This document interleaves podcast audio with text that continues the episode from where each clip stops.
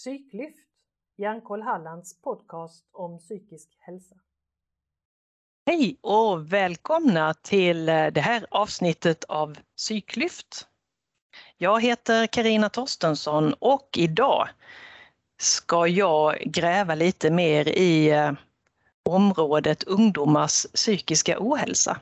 Vi nås i media ofta nu för tiden om att ungdomars psykiska ohälsa ökar.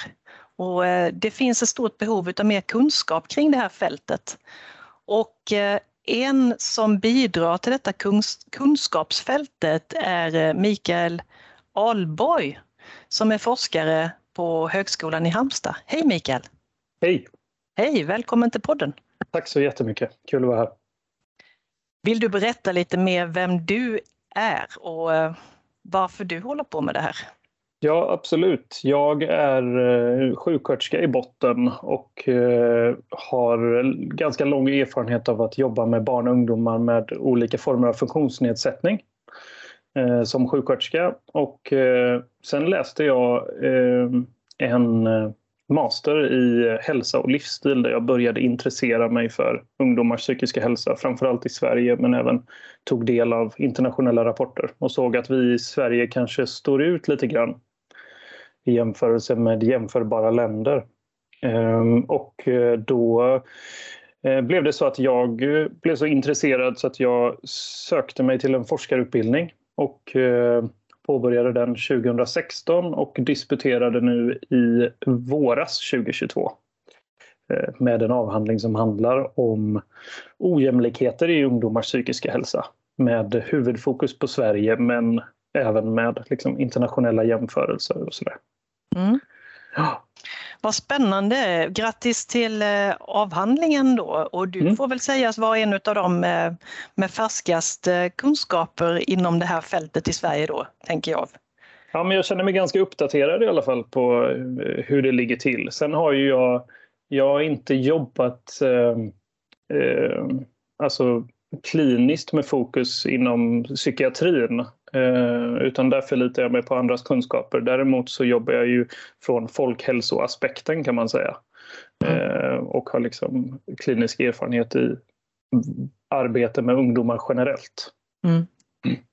Jag blir ju nyfiken eh, direkt på det du berättar. Du säger att Sverige sticker ut. Hur då? Eh, ja, men vi eh, har en, eh, en lite starkare negativ trend bland våra ungdomar när det gäller hur ungdomar rapporterar psykiska besvär och hur nöjda de är med sitt liv. Det som på engelska kallas för life satisfaction. Och det här har ju följts under lång tid genom en undersökning som heter Skolbarns hälsovanor som Folkhälsomyndigheten genomför på uppdrag av WHO. Och Sverige har varit med sedan 1985 ungefär. Eh, och här kan man se att eh, framförallt, det, det ökar egentligen i 11, bland 11, 13 och 15-åringar. Men bland 15-åringar så har vi en, en ganska ordentligt hög rapportering av psykiska besvär. Och psykiska besvär skulle kunna eh, vara eh, hur ofta man har huvudvärk, hur ofta man känner sig orolig, hur ofta man eh, har, eh, känner sig liksom, eh, att man har lite ångest, att man har svårt att sova, att man eh, ja, även då det som kan te sig som fysiska uttryck som att ha ont i magen eller ont i ryggen. Och, sådär. Mm. och där ligger Sverige högt.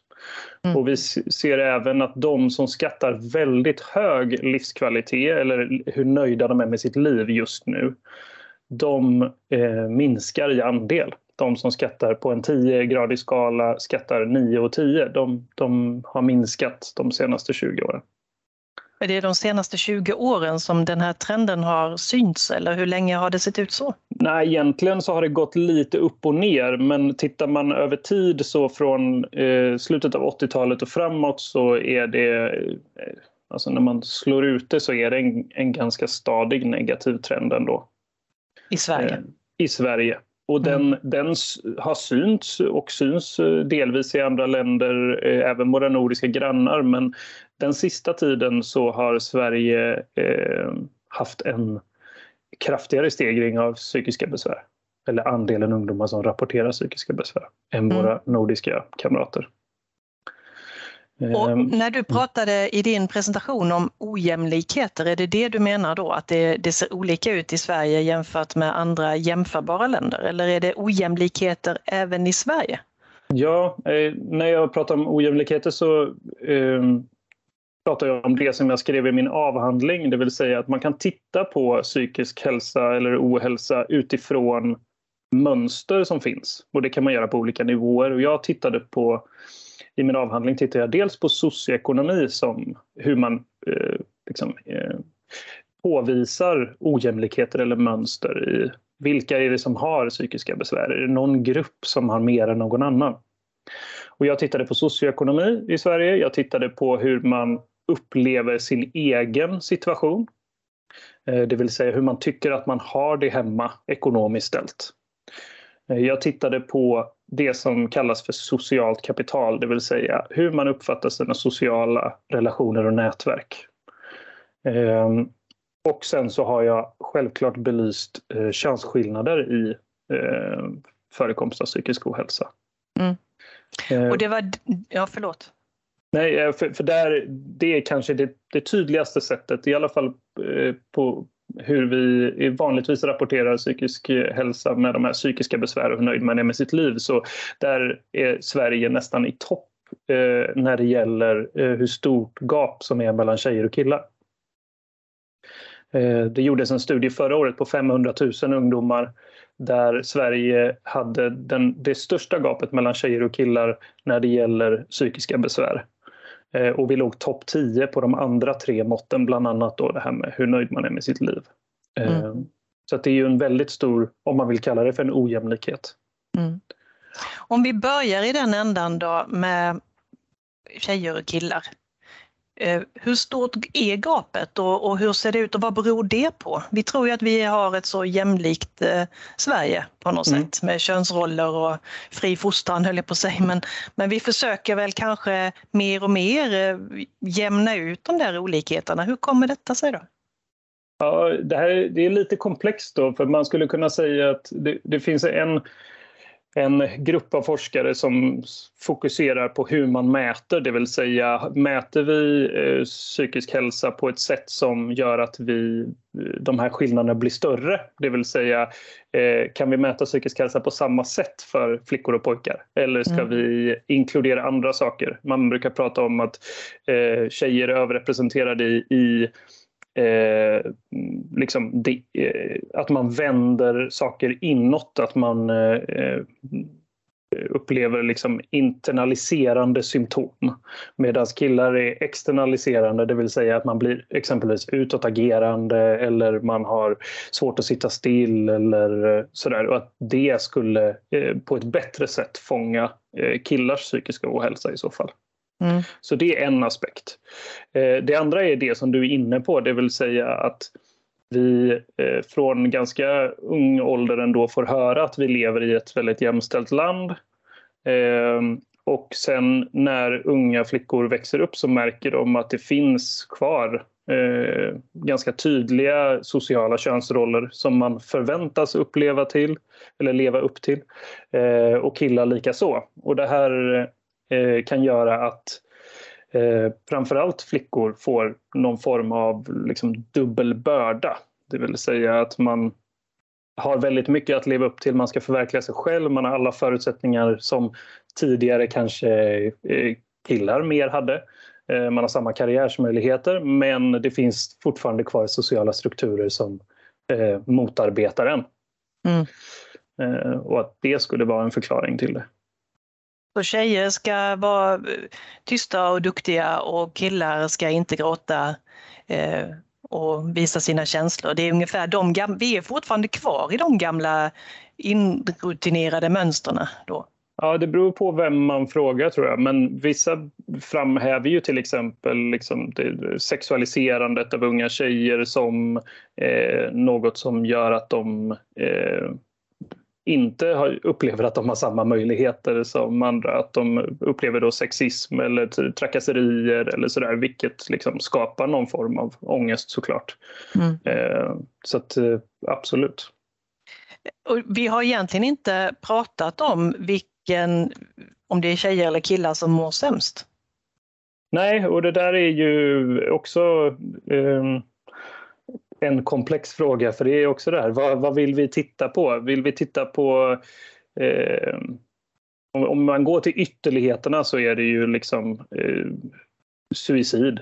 Eh, kanske. Och där ser vi att tjejer är eh, överrepresenterade i eh, självskadebeteende eller suicidförsök eh, medan killar är lite överrepresenterade i faktiska suicid.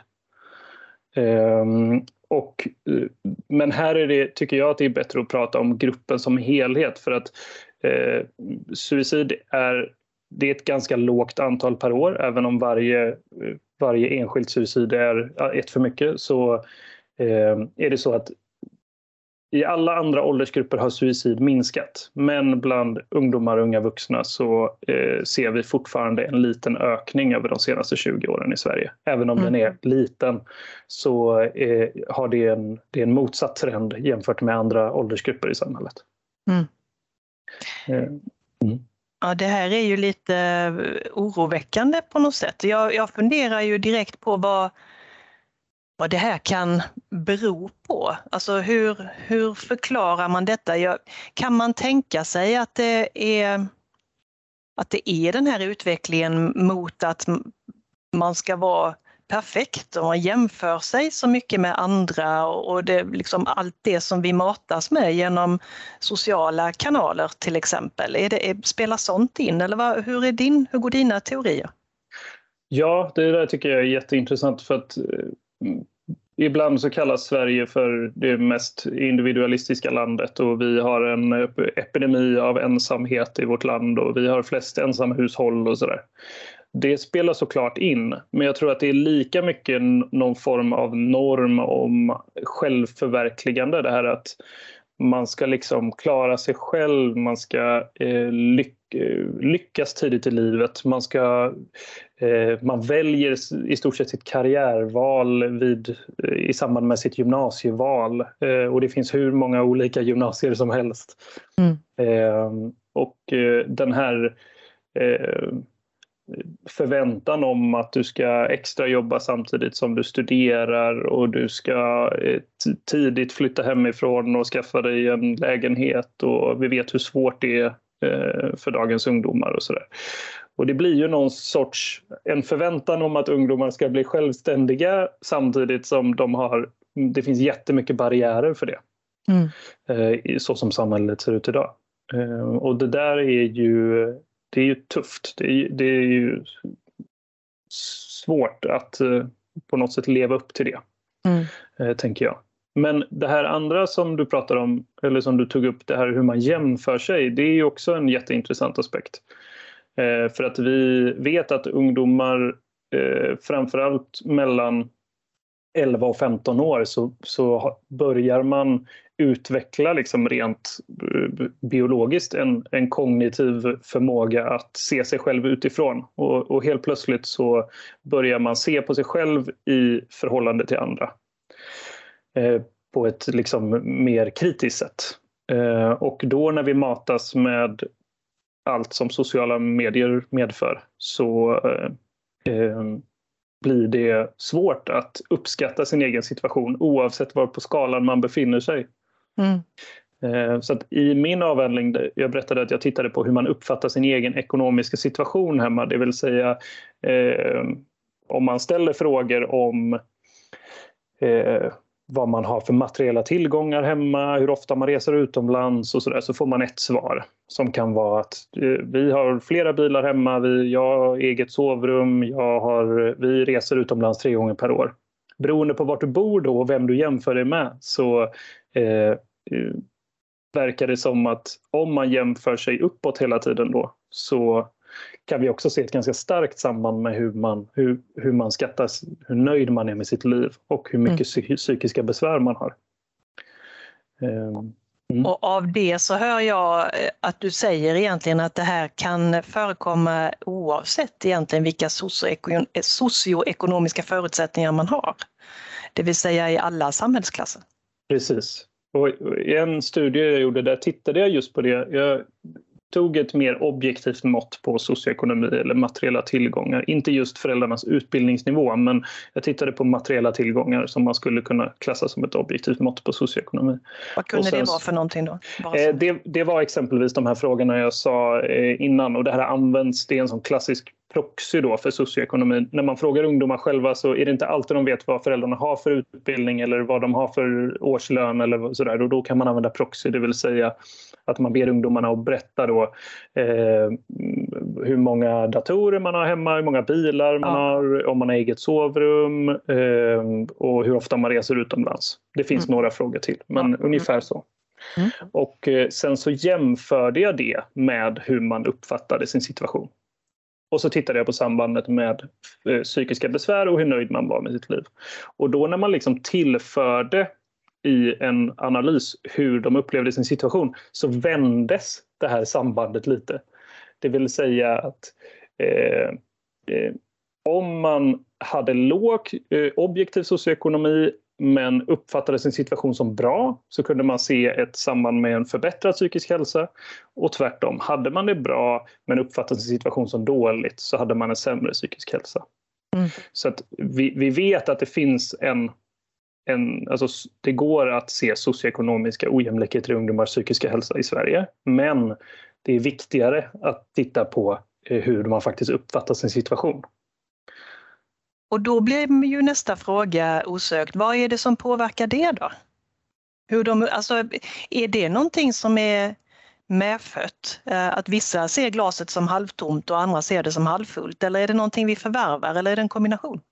Det det var egentligen min fråga eh, efter den studien var gjord och då gick jag vidare och tittade på just de sociala resurserna i våra relationer och nätverk. För det blev följdfrågan. Det blev liksom eh, eh, kan det vara så då att upplever man en eh, stark tillit, upplever man eh, positiva normer, upplever man att man har eh, stöd runt omkring sig eh, i familjen, i skolan, bland vänner och i samhället man bor i. Eh, kan det då förklara det här? Och det visade sig att det var en väldigt stark det, det fanns ett väldigt starkt samband mellan hur man upplevde sitt sociala kapital och vad man hade för, hur man skattade sin psykiska hälsa. Mm. Så det blev liksom... För min tanke direkt var, jo, jo men om, om man har föräldrar som har massa pengar men som inte är närvarande eller som pratar med mig så borde det troligtvis påverka mig negativt i alla aspekter i stort sett. Mm. Eh, och samma sak då åt andra hållet att har vi det knapert hemma men jag har föräldrar som Eh, stöttar mig i skolgången, som vill att jag ska bli något, som eh, visst de kanske eh, jobbar mycket men de är närvarande när de är hemma. Eh, det borde spela väldigt stor roll för ungdomars psykiska hälsa tänkte jag. Mm. Och det, det verkar som att det är så, i alla fall när, enligt mina studier hittills. Mm. Och, och det som, när jag eh, läste lite i din avhandling så så framkom det på något sätt att familjen var viktigare än vännerna. Det handlade om socialt kapital och, och det trodde inte jag. Eh, men familjen är tydligen en, en väldigt stabil faktor när det kommer till eh, psykisk ohälsa eller hälsa. Ja, och det där tycker jag också är intressant och jag blev lite förvånad över det. Ehm, men alltså jag tittade då på ehm, jag försökte skapa profiler utifrån hur ungdomarna hade skattat de här olika sakerna och, och utgick från socialt kapital. Och då använde jag liksom vän, vänner, eh, inte bara klasskamrater utan skolan som en kontext och vänner som en annan kontext och så familjen som en kontext. Och då blev det ganska tydligt att eh, ungdom, eller kompisar som kontext eh, spelade ganska liten roll för hur man skattade sin psykiska hälsa. Och eh, det var så, det gick att se att bland 15-åringar så betydde det mer än för 11-åringar. Eh, men det var fortfarande så att det verkade vara familjekontexten som var den absolut viktigaste. Och den verkade också vara ganska starkt kopplad till skolkontexten. Alltså det verkar som att om jag har ett starkt kapital eller socialt kapital hemma så eh, smittar det över på skolkontexten. Jag kanske har föräldrar som är involverade i skolan, som har en lärarkontakt till exempel. Eh, eller som är måna om att eh, liksom skolmiljön ska vara bra. Så där verkar, verkar det finnas en koppling medan eh, vänskapskontexten, den är ju ungdomarnas egen på ett annat sätt. Den, mm. Det är ju liksom, det är där man utvecklar eller utökar sitt sociala nätverk som tonåring. Mm. Um, och den är jätteviktig men det verkar vara ännu viktigare att kunna komma hem till en eh, liksom miljö som är trygg och säker oavsett lite grann hur vänskapsrelationerna ser ut och eh, vad det finns för normer och sådär bland vänner. Mm. Och så som det ser ut idag så finns det ju många ungdomar som inte har den där trygga familjen eller eh, den kontexten att komma hem till efter skolan eller efter aktiviteter och så, där det inte känns som att man har någon som kanske engagerar sig eller är intresserad av hur, hur det har gått för mig idag. Eh, menar du då utifrån dina studier att det är svårt att balansera upp det med kompisar? Ehm, jag gjorde även intervjustudier med ungdomar i min avhandling och då frågade jag dem vilka är de relationerna för er som är de viktigaste för att ni ska må bra? Mm. Och då eh, var det lika många som eh, liksom direkt nämnde kompisar som de som direkt nämnde eh, föräldrar eller mm. familj. Mm. Även inkluderat syskon och sådär. Så att Alltså, det kvalitativa, det som ungdomarna berättade själva, det var där hade jag dragit slutsatser bara utifrån det så hade jag dragit en slutsats att ungdom, eller vänskapsrelationerna spelar jättestor roll. Mm. Men när jag tittade på det utifrån eh, ett stort datamaterial där man hade med flera tusen ungdomar, då kunde jag inte se samma sak. Mm. Och då är frågan vilket ska man lita på? Eh, mm. sådär. Det kan ju vara så att för ungdomar så eh, betyder kompisarna jättemycket. Men det är ändå så att eh, vi behöver en vuxen eh, människa som kan vägleda en genom livet. Och om inte mm. det är en förälder så kanske inte en kompis kan väga upp det. Det kan hjälpa mig för stunden och jag kan få prata av mig och sådär. Men det är fortfarande så att när jag kommer hem så, så har, känner jag inte det stödet. Mm. Däremot så berättade även ungdomarna att andra vuxna som inte är mina föräldrar har man en stark relation med en eh, faster, moster, farmor, morfar, eh, en kurator eller en lärare på skolan, en eh, träningsledare eller en eh, musiklärare eller något. En person som jag känner att jag kan berätta för om, det en, om jag mår dåligt eller om det är något som har hänt. och så där. Det framhävde de som väldigt viktigt. Mm. Så att ha någon annan som inte är ens förälder som jag inte har några liksom förpliktelser emot eller så där, det verkade vara väldigt viktigt. Det och det skulle... visar även annan forskning. Ja. Så det skulle kunna eh, balansera upp för de ungdomar som idag har en skakig familjerelation att eh, identifiera någon annan vuxen i sin närhet som man litar på helt enkelt. Det tror jag absolut att det fyller en viktig funktion i alla mm. fall. Mm. Mm. Sen är det nog så att hemmiljön eh, är svår att liksom ersätta. Men att ha en annan vuxen som kan stötta en verkar vara väldigt viktigt. Mm.